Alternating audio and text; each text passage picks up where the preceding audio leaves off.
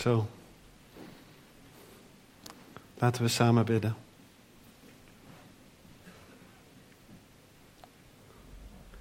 Vader in de hemel. Heere God, dank u dat we samen het woord open kunnen doen.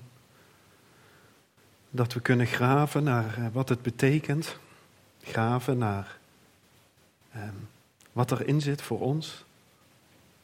En we bidden dat u deze momenten zegent en dat u komt en dat u werkt te midden van ons, onder ons, in onze harten, door uw Heilige Geest. O Geest, kom. Als we nadenken over volhouden, houd vol, houd vol, hij laat niet los, dat we dat ook mogen ervaren terwijl we de tekst overdenken. En Heere Jezus, dat we mogen zien dat uh, U het bent die niet loslaat. Dat U het bent die de leidsman en de voleinder van het geloof bent, Heer. En dat U dat wil doen in onze harten. Dat vraag ik U in Jezus' naam. Amen. We hebben dit jaar bij Hebreeën 1 en 2 stilgestaan. 12, 1 en 2. Eh, dat was het jaarthema, uh, hebben we aan het begin van het jaar gezegd. En we zeiden, het thema is volharden. En we hebben bij heel wat dingen stilgestaan. Nou, uh, daar ga ik zo meteen ook nog kort iets over zeggen voor degenen die het eerst hier zijn en, en die zeggen, wat, wat, wat is hier aan vooraf gegaan? Als we om ons heen kijken, naar de wereld om ons heen, of we nou gelovig zijn of niet gelovig, dan zien we dat we iedere dag opnieuw eigenlijk overstelpt worden door nieuws. We zien de oorlog in de Oekraïne, we zien energieprijzen die exorbitant hoog worden. We zien toenemende corruptie om ons heen en we zien eigenlijk dat de liefde steeds meer aan het bekoelen is. Als je kijkt naar hoe mensen met elkaar omgaan in social media of zelfs buiten social media om. Je ziet een immer groeiende kloof tussen arm en rijk als je goed rondkijkt. En je ziet een steeds onrustigere samenleving. En je ziet ook dat broeders en zusters wereldwijd het steeds moeilijker hebben. Dat christenen het wereldwijd steeds moeilijker hebben. En als je dat allemaal ziet om je heen, dan zou je geneigd kunnen zijn om te zeggen van nou, eh, niemand neemt het meer zo nauw. Waarom zou ik het zo nauw nemen? Waarom zou ik het zo nauw nemen met normen en waarden? Of waarom zou ik het zo nauw nemen met het woord van God? Want als de ander, dan kan ik ook. En die moeite om ons heen, die kan ons ook verleiden naar het zoeken van iets anders dan Jezus. Dat we iets anders op de eerste plaats denken te kunnen zetten. Want als ik dat doe, of als ik dit heb, dan. En de Hebreeën, aan wie dit boek in Hebreeën uh, uh, is geschreven, die zitten eigenlijk in een vergelijkbare situatie. Ze zien om zich heen, 2000 jaar geleden, heel veel moeite. Ze hebben het heel zwaar. Daar hebben we al bij stilgestaan. Dat het mogelijk ook heel wat Hebreeën waren die gevlucht uh, moeten zijn geweest uit Israël, omdat ze in Israël niet meer veilig waren. Ze zijn naar andere plekken toegegaan. En uh, ze hadden het heel moeilijk. Ze hadden het heel moeilijk. En daar hebben we bij stilgestaan. En dat we ook zien in, in Hebreeën 11, in dat hoofdstuk, als de schrijver schrijft van al die mensen die we geloofshelden noemen. Abraham, Mozes, Rahab dat hij hun eigenlijk een stukje wil bemoedigen. Dat hij zegt, zij hadden het ook moeilijk. Ze zaten ook in een uitdagende situatie. En die Hebreeën die zaten dat ook. En ze ervoeren steeds meer moeite in hun leven. En God spoort de Hebreeën door dit boek, door Hebreeën, eigenlijk aan. Hij zegt eigenlijk, kom op. Kom op Hebreeën. Houd vol. We zongen het net al. Houd vol, Hebreeën. Volhard. En dit volhouden en dit volharden, dat wordt eigenlijk door de schrijver steeds meer opgebouwd. Vanaf hoofdstuk 1 bouwt de schrijver dat steeds meer op. En dan komt die climax in Hebreeën 11 en dan Hebreeën 12. En 1 is, 12 vers 1 en 2 is eigenlijk het hoogtepunt. Het hoogtepunt van de brief. En daar hebben we dit jaar bij stilgestaan. Volhard Hebreeën is de boodschap. En het thema volharden is misschien ook voor ons in de tijd waar wij in zitten, in de samenleving zoals die is, net zo actueel. Maar hoe doen we dat dan? Hoe houden we dan vol? Lukt het me om een leven lang vol te houden? Wat gaat er allemaal nog komen? We zongen net vrij dapper samen. Uh, laat maar komen wat nog gebeurt. Maar hebben we in de gaten wat we dan zingen? Laat maar komen wat er nog komen moet gaan. Dat is nogal wat als je dat zingt. Als je om je heen kijkt wat er allemaal gebeurt en je eigenlijk niet weet wat er nog gaat komen voordat Christus terugkomt. En daar gaan we dus vandaag bij stilstaan, bij hoe we dat dan doen, dat volhouden. In ieder geval wat, um, wat de schrijver hier in Hebreeën 12, 1 en 2 zegt. En daar staat het volgende in Hebreeën 12, 1 en 2. Wel nu dan, laten ook wij, nu wij door zo'n grote menigte van getuigen omringd worden, afleggen alle lasten en de zonden die ons zo gemakkelijk verstrekt. En laten wij met volharding de wedloop lopen die voor ons ligt, terwijl wij het oog gericht houden op Jezus, de leidsman en voleinder van het geloof. Hij heeft, om de vreugde die hem in het vooruitzicht was gesteld, het kruis verdragen en de schande veracht en zit nu aan de rechterhand van de troon van God. Nou, als we naar deze twee versen kijken, dan zou je die versen kunnen onderverdelen in verschillende stukjes. Als we kijken naar het eerste stuk, de inleiding, de eerste stap, dan zien we, laat maar de volgende slide zien, dan zien we in die inleiding, nu wij door zo'n grote menigte van getuigen omringd worden. Dus in 1a leidt de schrijver iets nieuws in. Hij legt als het ware de brug naar Hebreeën 11. Hij zegt, ja, nu wij door zo'n grote menigte van getuigen in Hebreeën 11 omringd worden, wat moeten we dan doen? En dan komt de kern van de boodschap. En dan zegt hij, laten ook wij afleggen alle lasten en de zonden die ons zo gemakkelijk verstrikt. En laten we met volharding de wedloop lopen die voor ons ligt. Terwijl wij het oog gericht houden op Jezus, de leidsman en voleinder van het geloof. Dat is de kern van wat hij zegt. En dan de derde uh, stap, het derde stuk in, in vers 1 en 2, is de uitleg die hij geeft. Want wie is dan die Jezus, die leidsman en voleinder van het geloof? Nou, hij heeft om de vreugde die hem in het vooruitzicht was gesteld, het kruis verdragen en de schande veracht en zit nu aan de rechterhand van de troon van God. Dus hij zegt eigenlijk, kijk naar hem. En dan legt hij uit, want Jezus heeft ook alle moeite, de diepste moeite, het diepste lijden doorstaan. En hij wil onze leidsman zijn. Hij wil ons Hij wil ons voorgaan. Zo wordt hij ook eerder in Hebreeën genoemd. Hij die ons voorgegaan is. En dat zien we hier, dat dat aan het eind uitgelegd wordt. Aan het eind van vers 2. Nou, in die inleidende woorden, die eerste woorden die we daar zien, wij zijn door zo'n grote menigte van getuigen omringd. Dan denken we natuurlijk aan al die getuigen waar we over hebben gelezen in Hebreeën 11. En we hebben nagedacht over Abraham.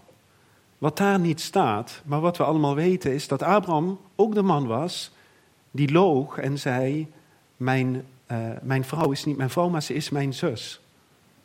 We weten ook dat Mozes, ook al wordt het niet heel expliciet genoemd hier, maar wel in Exodus, degene is die een Egyptenaar heeft gedood. We weten ook dat Rahab een prostituee was. We weten ook dat Simpson een man was die zoveel fout deed in zijn leven. En je ziet dat het allemaal eigenlijk gebrekkige mensen zijn. Gebroken mensen. Mensen die God nodig hebben. Mensen die niet vanuit eigen kracht de dingen konden doen, maar moesten zien dat ze de dingen vanuit Gods kracht moesten doen en hun ogen op God gericht moesten hebben. En het woord hier dat er staat voor die menigte, dus hij, hij zegt hier, de schrijver zegt, Eigenlijk zijn die mensen niet veel anders dan jou en mij.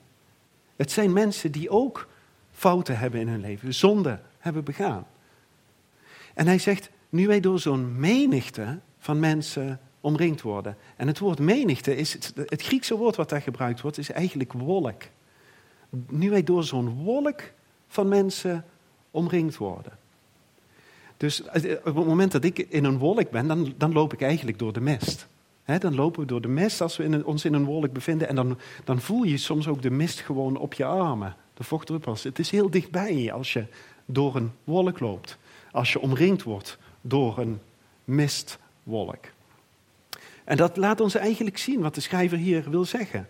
De schrijver wil ons zeggen, het is een groep mensen die niet zoveel anders zijn dan wij. Zij waren ook zwak in sommige opzichten. Dus als zij al die zwakte in zichzelf zagen, of die fouten in zichzelf zagen,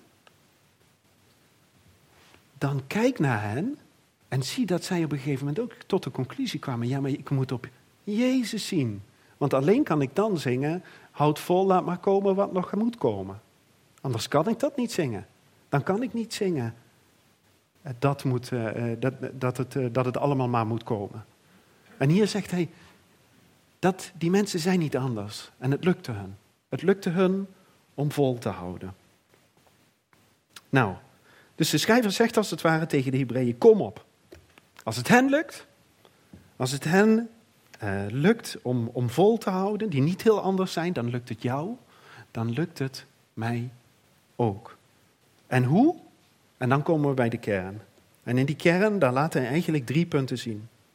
Het eerste wat hij zegt is, laten ook wij afleggen alle last en de zonde die ons zo gemakkelijk verstrekt. Het afleggen van last en zonde, zegt hij. Het tweede wat hij zegt is, laten wij met volharding de wedloop lopen. Met volharding lopen. En dan het derde punt wat hij aangeeft, de schrijver, is terwijl wij het oog gericht houden op Jezus, de leidsman en voleinder van het geloof. Hou je oog gericht op Jezus. Dat zijn de drie stappen die hij hier eigenlijk geeft. Wil je kunnen volhouden? Wil je door kunnen gaan tot aan het eind van het leven, zoals het hen ook lukte? Hou je oog gericht op Jezus. Dus hij begint met afleggen van alle last en zonde. En het woordje last dat hij hier gebruikt is eigenlijk een verdere uitleg van het woord zonde. Het is een last. De zonde is als een last voor ons. Het is een belemmering. Het is vaak een obstakel. Het is iets dat verhindert, wil de schrijver zeggen. Want daarom staat er ook verderop in dat vers: alle last en zonde die verstrikt. De zonde is verstrikkend. Het is daarom begrijpelijk dat de Bijbel ook zegt: leg het af. Leg het af. En een paar versen verderop maakt de schrijver het nog concreter. In 12, Hebreeën 12, vers 4, twee versen verderop, zegt hij het volgende. En hij, hij, hij legt dan de link met de Heer Jezus zelf. En hij zegt, u hebt nog niet tot bloedens toe. Hij legt de link met het offer van Christus. Hè? En dan zegt hij, u hebt nog niet tot bloedens toe, tot weerstand de weerstand geboden in uw strijd tegen de zonde. En hier zegt hij dus eigenlijk, het is niet alleen maar een afleggen, maar het is echt strijd ertegen voeren tegen de zonde. Het woordje wat, wat de schrijver daarbij gebruikt, is, en dit, woord mag je meteen weer vergeten, is het woord agonizomai. Maar voor diegenen die Engels goed beheersen, die horen misschien het woord agonize daarin. En daar komt ook het woord vandaan. Het Engelse woord agonize komt van dat woordje strijd voeren tegen. Agonize. En wat dat woord betekent is eigenlijk een enorme heftige worsteling. Een enorme worsteling. Een worsteling die eigenlijk op leven en dood is. Een doodsworsteling. En dat is wat hij zegt. U hebt nog niet een doodsworsteling gevoerd tegen de zonde. Zo heftig is het nog niet geweest voor jullie. Dat is nogal wat. Echte krachtige termen die hij daar gebruikt om te zeggen wat de strijd tegen de zonde eigenlijk in mag houden. En worstelen, als je denkt aan die sport, dan is dat een hele intensieve en uitputtende sport. Ik ben geen fan van, van worstelen. Ik, ik, kijk nooit naar wedstrijden, maar ik heb ze wel eens gezien. En dan, dan zie je dat, dat, dat men echt uitgeput is aan het eind van zo'n wedstrijd. En dat zo'n wedstrijd geen 90 minuten duurt, want dat houdt niemand vol. Die wedstrijden die duren vaak maar een aantal minuten, zo uitputtend zijn ze. En je ziet dat mensen zich dan zo kleden dat ze heel moeilijk vastgepakt kunnen worden, die worstelaars. Dus je kunt ze moeilijk grijpen dan. En aan het eind van de wedstrijd valt vaak pas de beslissende slag. Je moet voortdurend in die worsteling blijven en keihard worstelen om te kunnen winnen aan het eind. En dat zegt de schrijver hier. De schrijver zegt het is als een worstelwedstrijd. De Bijbel laat ons dus zien dat het heel belangrijk is om die strijd tegen de zonde serieus te nemen. En als we kijken naar Nederland om ons heen, dan denk ik soms misschien zijn we dat wel een beetje kwijtgeraakt. Dat we de strijd tegen de zonde zo serieus nemen zoals de schrijver in Hebreeën het hier zegt, uitlegt. Het is niet alleen een afleggen van de zonde, maar het is een strijd van de zonde. En als we kijken naar Romeinen, dan schrijft Paulus het nog heftiger. Paulus die zegt, want, in Romeinen 8 vers 13, laat maar zien, want als u naar het vlees leeft, zult u sterven. Als u echter door de geest de daden van het lichaam doodt, zult u leven. Dus eerst zagen we dat zonde iets is wat we moeten afleggen en dat het ons verstrikt. Dan zegt de schrijver in Hebreeën drie versen verderop in 12:4, maar de zonde is eigenlijk zo heftig dat we een, een, een doodsworsteling, een, een heftige worsteling, een heftige strijd, dat we agonize, dat we agony voelen, dat we heftige pijn voelen in die strijd tegen de zonde. En dan zegt Romeinen 8 zelfs, ja, maar je moet de daden van het vlees moet je doden. De Bijbel is heel radicaal in hoe belangrijk het is. We moeten misschien ook allemaal denken aan de woorden van de Heer Jezus nu. Dat hij zegt, ja maar als je oog zondigt, ruk het uit. Als je hand zondigt, hak het af. De zonde is iets waarvan de Bijbel zegt, reken er radicaal mee af. Leef radicaal. En we hadden het laatst met de jeugd over van, nou, hoe zou je iemand anders kunnen vertellen wat zonde nou precies is? En ik heb het voorbeeld ook al eens eerder gebruikt. En dat is dat, stel je voor dat we nu allemaal een helm op zouden kunnen zetten. En dat je draadjes vanaf die helm naar het scherm kon verbinden. En dat we de mogelijkheid hadden om alle gedachten die we ooit gehad hebben, alle dingen die we ooit gezegd hebben, alle dingen die we gedaan hebben, waarvan we eigenlijk niet zouden willen dat mensen dat zouden weten, dat we die op het scherm zouden kunnen projecteren. Dan denk ik dat iedereen van ons zou wegrennen en zou zeggen, ik zou zelf in ieder geval wegrennen. Ik zou zeggen, ik zou niet willen dat mensen dit zouden willen weten van mij. Ik zou me niet meer willen vertonen aan mensen. En dat, daaraan voelen we eigenlijk al van, ja, er is zonde in ons leven en daar moet mee afgerekend worden. Want God ziet het.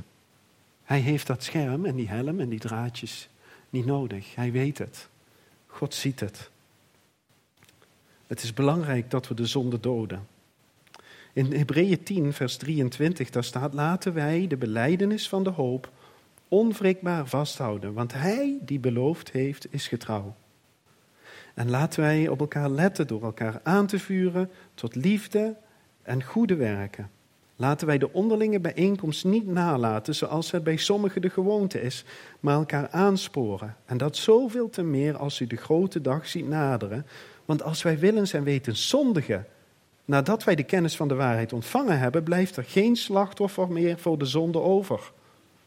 Maar slechts een verschrikkelijke verwachting van oordeel en verzengend vuur dat de tegenstander zal verslinden. Je ziet hier eigenlijk dat de schrijver een verband legt tussen uh, zon, uh, tussen het niet samenkomen, met het structureel niet samenkomen met broeders en zusters, zonde in het algemeen en dan het oordeel. De Bijbel legt daar, lijkt daar een verband te leggen tussen op een gegeven moment te zeggen, ja maar ik hoef niet meer samen te komen met broeders en zusters. Het is voor mij niet belangrijk. Ik kan ook zonder. Maar waarom, als dat zo zou zijn, maar waarom heeft de Heere God dan de gemeente van Jezus Christus gegeven? Heeft Hij ons niet de gemeente gegeven omdat wij allemaal de gemeente nodig hebben? En dat we naar alle samenkomsten ook toe gaan en ze niet structureel eh, naast ons laten liggen. Het verband wat de Bijbel hier in deze paar versen legt, vond ik, ik schrok ervan toen ik het zelf zei. Ik dacht zelf, nou, als er nou zo staan uh, in, in die tekst, hè, in, uh, in die versen 23 tot 27, nou, als je moordt, en dus willens en wetens zondigt, dan komt er verzengend vuur. Verwachting van oordeel en verzengend vuur. Maar dat zegt de Bijbel hier niet. De Bijbel geeft niet zo'n zonde aan, maar brengt het veel dichterbij. Eh, we zouden kunnen zeggen van nou, ik, uh, ik ben niet een moordenaar of een dief. Maar de Bijbel brengt het veel dichterbij en wil dat we onszelf echt onderzoeken en zeggen, ja, is er nog wel zonde in mijn leven en heb ik daarmee afgerekend? En tegen de Hebreeën zegt de schrijver twee dingen eigenlijk.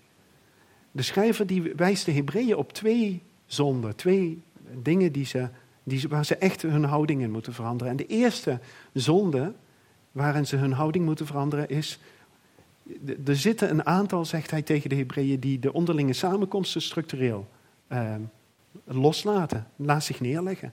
En de andere die hij zegt is, jullie zetten Jezus niet meer op de eerste plaats.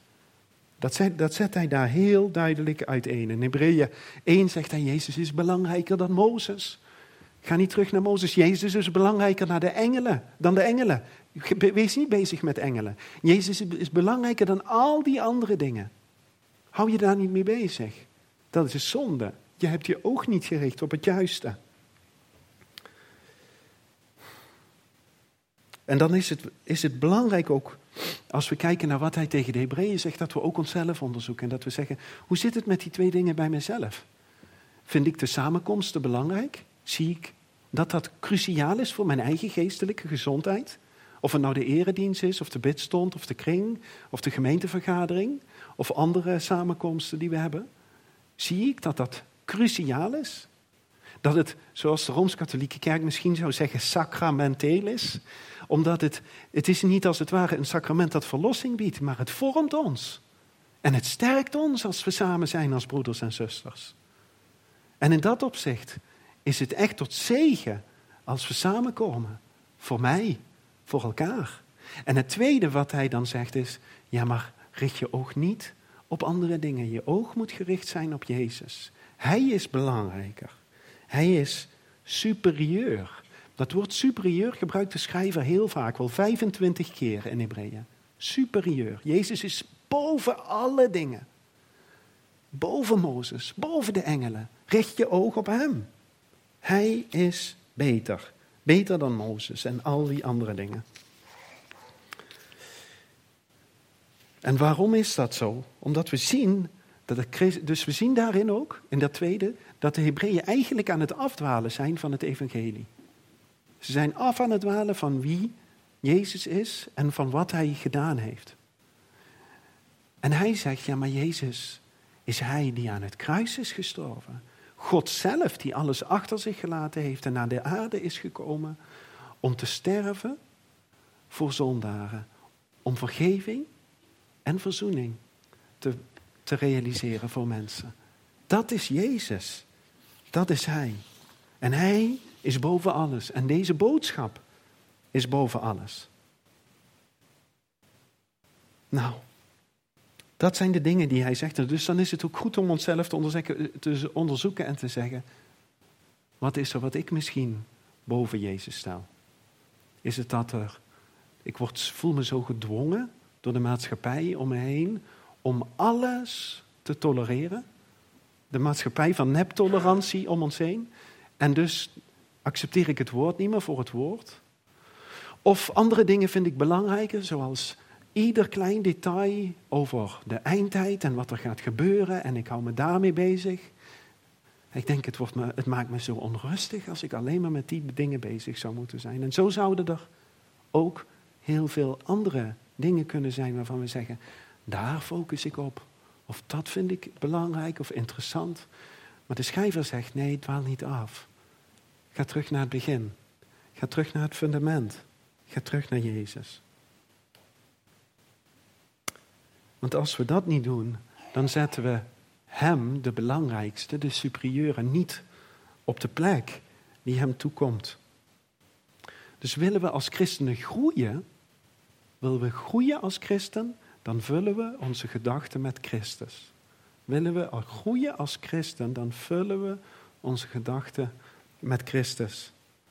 We kunnen met zijn woord bezig zijn zonder met Hem bezig te zijn. En hij zegt, wees met hem bezig. Hebreeën 12, eh, vers 1, daar zijn we mee bezig. En dan zegt, zegt de schrijver de volgende stap. Hij zegt, leg de zonde af en loop de wedloop met volharding. En het met volharding lopen betekent eigenlijk dat we moeten blijven strijden. Die twee dingen, eigenlijk die drie dingen, ook waar we zo meteen bij komen. Dat Jezus zegt, of dat hij zegt, kijk naar Jezus. Die drie dingen kunnen we niet los van elkaar zien. Als ik niet met volharding ren, dan kan ik niet mijn oog gericht houden op Jezus. En als ik niet de zonde afleg, maar verstrikt raak, dan kan ik ook niet volharden. Dus die drie dingen zijn onlosmakelijk met elkaar verbonden. We kunnen het ene niet doen zonder ook met het andere bezig te zijn. Al die drie dingen gaan met elkaar samen. En de Bijbel die geeft ons hier een voorbeeld van, het is niet makkelijk. Want de wedlopen is eigenlijk wat Paulus zegt, of wat de schrijver zegt, we weten niet zeker of Paulus de Hebreeënbrief heeft geschreven. Wat de schrijver zegt is, het is als een marathon. Het is niet een makkie. Want je zou kunnen zeggen, maar moet ik zo hard strijden tegen de zonde? Moet ik zo hard daarmee afrekenen? Welke zonde is er in mijn leven dat ik Jezus niet op de eerste plaats zet? Moet ik mezelf erop onderzoeken? Dat is zwaar, dat is moeilijk, dat is niet makkelijk. Maar, het, maar, maar de schrijver zegt ook, het is ook echt een wedloop. Het is een marathon. En het lopen hier, wat er zegt, de wedloop lopen, is eigenlijk een rennen. Ren die marathon. Ren die marathon. Het is geen makkie. We strijden daartegen en we willen ook groeien in godsvrucht. Want als we groeien in godsvrucht, dan zal er ook kracht en vreugde in ons leven zijn. Dan is Jezus Christus zo kostbaar voor jou en voor mij, dat we zeggen, wauw, Hij geeft mij kracht en Hij geeft mij vreugde. Dat heeft ook met die volharding te maken. In Hebreeën 6, vers 10 tot en met 12, daar schrijft, dan zegt eh, de Bijbel het volgende, want God is niet onrechtvaardig dat hij uw werk zou vergeten en de liefdevolle inspanning die u zijn naam bewezen hebt, doordat u de heilige gediend hebt en nog dient.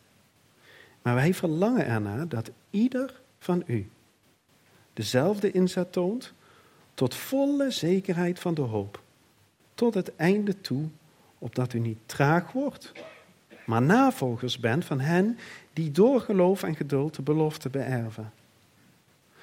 Hier zien we dat de marathon van het christelijke leven, dat we die met inzet rennen. We rennen de marathon met inzet, zegt de Bijbel hier. En de Bijbel zegt hier, ren allemaal met diezelfde inzet. Ren met inzet. Allemaal, vol hart. Niet iedereen rent misschien even hard, maar we rennen allemaal met inzet. We rennen allemaal omdat we niet het risico willen lopen om traag te worden, wat de schrijver hier ook zegt. Patricia die rent heel graag. Zij rent uh, het liefst twee keer in de week. En dan gaat ze, s ochtends bereidt ze zich voor. Ze zorgt dat ze de nacht van tevoren goed geslapen heeft. Dat ze s ochtends de juiste dingen eet voordat ze gaat rennen. En als ze rent, dan zorgt ze dat ze de juiste kleding aan heeft. Ze gaat niet zware kleding of kleding die veel, veel uh, ruimte inneemt, gaat ze niet aandoen. En dan als ze gaat rennen, dan, uh, dan uh, houdt, ze, houdt ze de tijd voor zichzelf bij. En ze gaat. En als ze dan rent, dan blijft ze altijd kijken naar waar ga ik naartoe. Ze blijft voor zich uitkijken en ze gaat. En ze rent en ze gaat door. En ze laat zich niet afleiden door wat er allemaal op de weg gebeurt. Of door dingen die er te zien zijn. Maar ze zegt, nee, ik heb één doel. En dat is dat ik ren en dat ik dit binnen een bepaalde tijd afkrijg. Zo gaat ze. En dan gaat ze door. En dan stopt ze niet. En ik kan me bijna de klok opzetten. Oké, nu komt ze thuis. Dan weet ik, dan is ze thuis.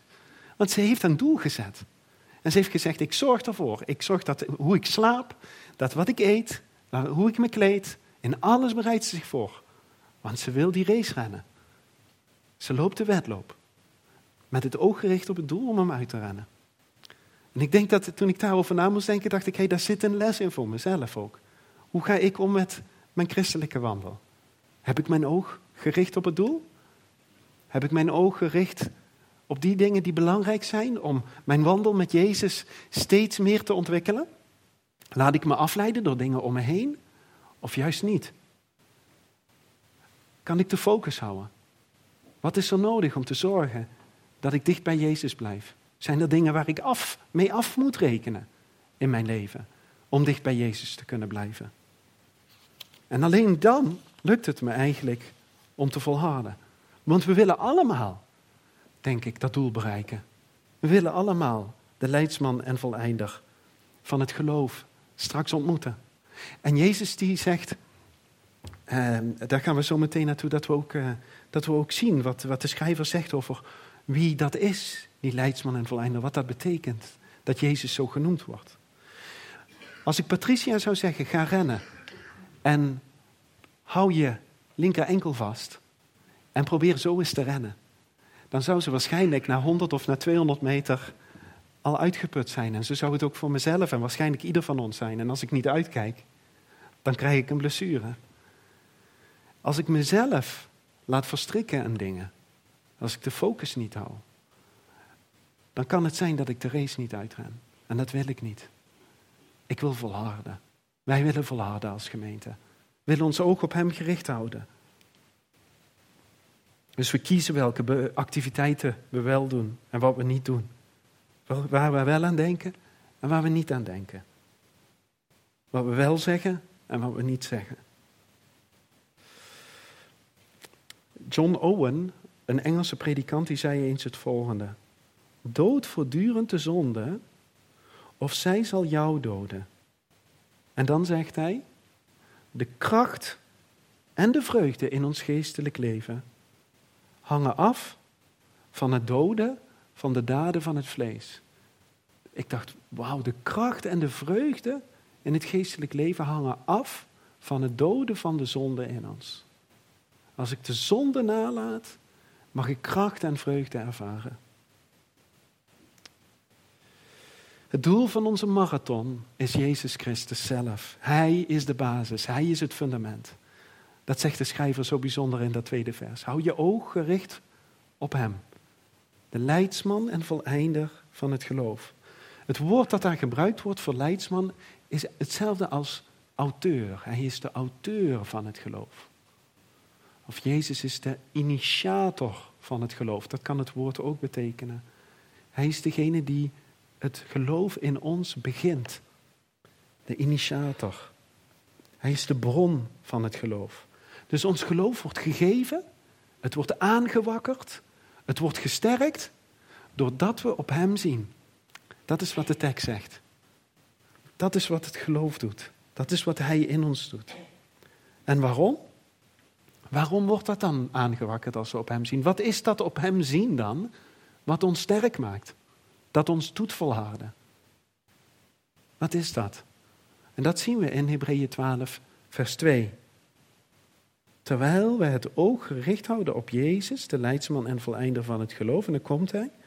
Hij heeft om de vreugde die hem in het vooruitzicht was gesteld, het kruis verdragen en de schade veracht. En zit nu aan de rechterhand van de troon van God. Jezus zelf heeft het diepste lijden, heeft de diepste verdriet daar meegemaakt aan het kruis op Golgotha. Waarin hij, waar hij alle zonden, alle zonden droeg van zijn gemeente. Wereldwijd, door alle eeuwen heen. Hij zegt, ik zal het dragen.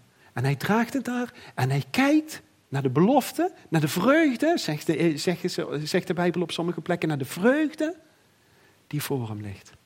Daar kijkt hij naar. En daarin is hij een gigantisch voorbeeld voor ons, het enige voorbeeld voor ons. Hij heeft in het diepste lijden de grootste moeite en de heftigste strijd doorstaan. Aan het kruis, voor jou en voor mij, door zijn oog op de vreugde te richten die voor hem lag. Dat de smet van de naam van de Vader werd weggehaald. En dat hij zijn gemeente bij hem mocht halen. En dat hij zei, kom, je bent welkom. Je bent bij mij. Ik zal mij een bruid bemachtigen. Ik zal mij een bruid kopen, zegt hij. En dat is wat hij aan het kruis heeft gedaan. En daarin hoe hij, met, hij Christus zelf met lijden en uitdagingen, met moeite omgaat, is hij onze leidsman, onze voorganger. In Hebreeën 9, vers 28 zien we het ook. Zo zal ook Christus, die eenmaal geofferd is om de zonde van velen weg te dragen, voor de tweede keer zonder zonde gezien te worden door hen die hem verwachten tot zaligheid. Hen die hem verwachten tot zaligheid. Is dat verwachten er nu al bij ons? Dat is wat de schrijver eigenlijk dan door, door die, dat vers zegt. Is er een verwachting dat hij zal komen? Is er een zien op, oh Jezus, als ik deze dingen in de wereld om me heen zie. En als ik de strijd in mijn eigen leven soms zie. Wanneer komt u? Komt u spoedig? Komt u mij ophalen? Dat is wat we hier terugzien. Verwachten en verwachten tot zaligheid. En Paulus die schrijft het op een iets andere manier naar Timotheus. Die zegt 2 Timotheus 4, vers 7 en 8, daar schrijft hij. Ik heb de goede strijd gestreden. Ik heb de loop tot een einde gebracht. Ik heb het geloof behouden. Zien we, zien we de parallel die hij hier, hierin met Hebreeën 12, 1 en 2? Ik vind het zo prachtig om die parallel daar te zien. Verder is voor mij weggelegd de krans van de rechtvaardigheid, die de Heere, de rechtvaardige rechter, mij op die dag geven zal. En niet alleen mij, maar ook allen die zijn verschijning hebben lief gehad. Vroeger toen ik op de basisschool zat, en Patrice ook op de basisschool zat, alleen zij in Honduras en ik hier in Nederland, uh, hield ik er heel erg van om de tekenfilmserie De Familie Robinson te kijken. Ik weet niet wie van jullie hem kent. Ik zie sommige mensen knikken. Dat was een geweldige uh, tekenfilmserie met uh, Sanne en Ernst. En daar keken we heel graag naar. Patrice die was in Honduras ook op televisie. En uh, jaren geleden waren we een keer in een winkel en toen stond die tekenfilmserie daar te koop. En we hebben die dvd's gekocht en we hebben die, kijken die heel graag ook samen met de kinderen. En de familie Robinson gaat over een gezin, een Zwitsers gezin, dat gaat emigreren naar Australië. En dat gezin dat, uh, dat loopt schipbreuk op een van de eilanden uh, in Indonesië of Papua-Nieuw-Guinea, niet heel ver van Australië af. En zij, zij, zij, lopen daar vast, ze lijden schipbreuk en ze denken we moeten hier weg. En na een paar jaar kunnen ze een boot bouwen. Ze willen naar Australië. Australië is ons doel. En ze pakken die boot en ze gaan de zee op. En ze varen en ze varen en het duurt dagen en dagen en dagen en ze zien niks anders dan een woelige oceaan. En soms is het storm en al het eten lijkt op te raken. En ze hebben op een gegeven moment bijna niks meer. En ze beginnen uit te drogen. En er is een andere kapitein die ook op dat eiland uh, uh, verzeild is geraakt. En die staat samen met de vader de hele tijd op uitzicht. Continu staan ze te kijken. Het moet toch zo zijn dat het bijna dichtbij is. We zijn er toch bijna. Nu moeten we er toch zijn. En op het moment dat je denkt, er zijn zoveel weken voorbij, het kan toch niet meer zo zijn dat, roept er een tegen de ander. Land in zicht. Land in zicht. En iedereen is blij. We zijn er. We hebben ons doel bereikt. We hebben de woelige oceaan overleefd. En ik denk dat daarin, in dat moment, dat, dat, toen ik daarover na moest denken, dat ik dacht, daar zit zo'n mooie les in voor onszelf. Dat we zeggen, o Heer Jezus, ik verlang er zo naar om dadelijk bij u te zijn. Ik heb uw verschijning lief. Ik weet wat u voor mij aan het kruis op Golgotha gedaan heeft. Ik weet dat u alle rijkdom achter u gelaten heeft om naar de aarde te komen om u een bruid te verschaffen. En ik mag daar deel van zijn. U bent superieur, Heer Jezus. U bent werkelijk de beste, de allerbeste, de hoogste. En naar u zoek ik. En naar u strek ik mij uit. En er komt een moment, dan ben ik die oceaan over. Dan ben ik bij hem. En nu is tijd om te volharden. En de zonde te doden. En achter ons te laten liggen. Zodat hij straks, niet door wat wij hebben gedaan, maar dat hij door zijn werk aan het kruis een heilige bruid mag presenteren. En dat hij zegt, zie mijn bruid. Dit is mijn bruid die ik gekocht en betaald heb. En uit dankbaarheid leven we voor hem. denk dat er ook een waarschuwing in zit voor ons allemaal.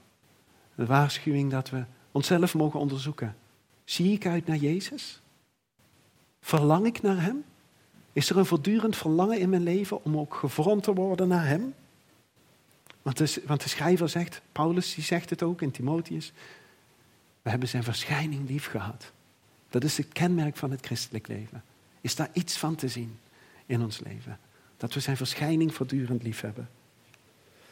En zo mogen we met al die mensen in Hebreeën 11, waar we over na hebben gedacht, zien dat het niet in onze kracht hoeft te zitten. En dat als we ons bedrukt voelen en kijken in de spiegel en zeggen, weer, weer in de fout gevallen. Het ging niet goed vandaag. Dat we dan zeggen, ja, maar ik kijk niet naar mezelf. Ik hoef niet naar mezelf te kijken. Ik mag op Hem zien. Hij is het.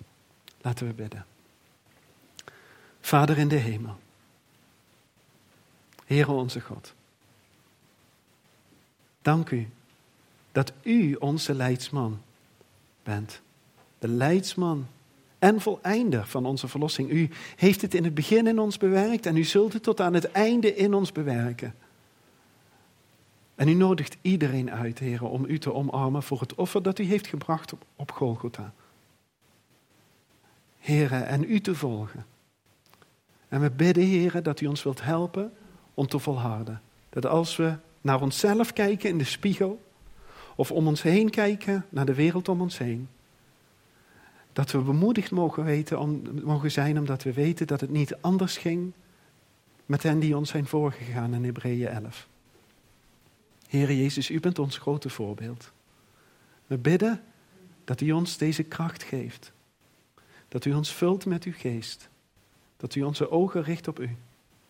En dat we weten dat u ons doel bent. O Heer Jezus, dank u voor wie u bent. We prijzen uw naam. In Jezus' naam. Amen.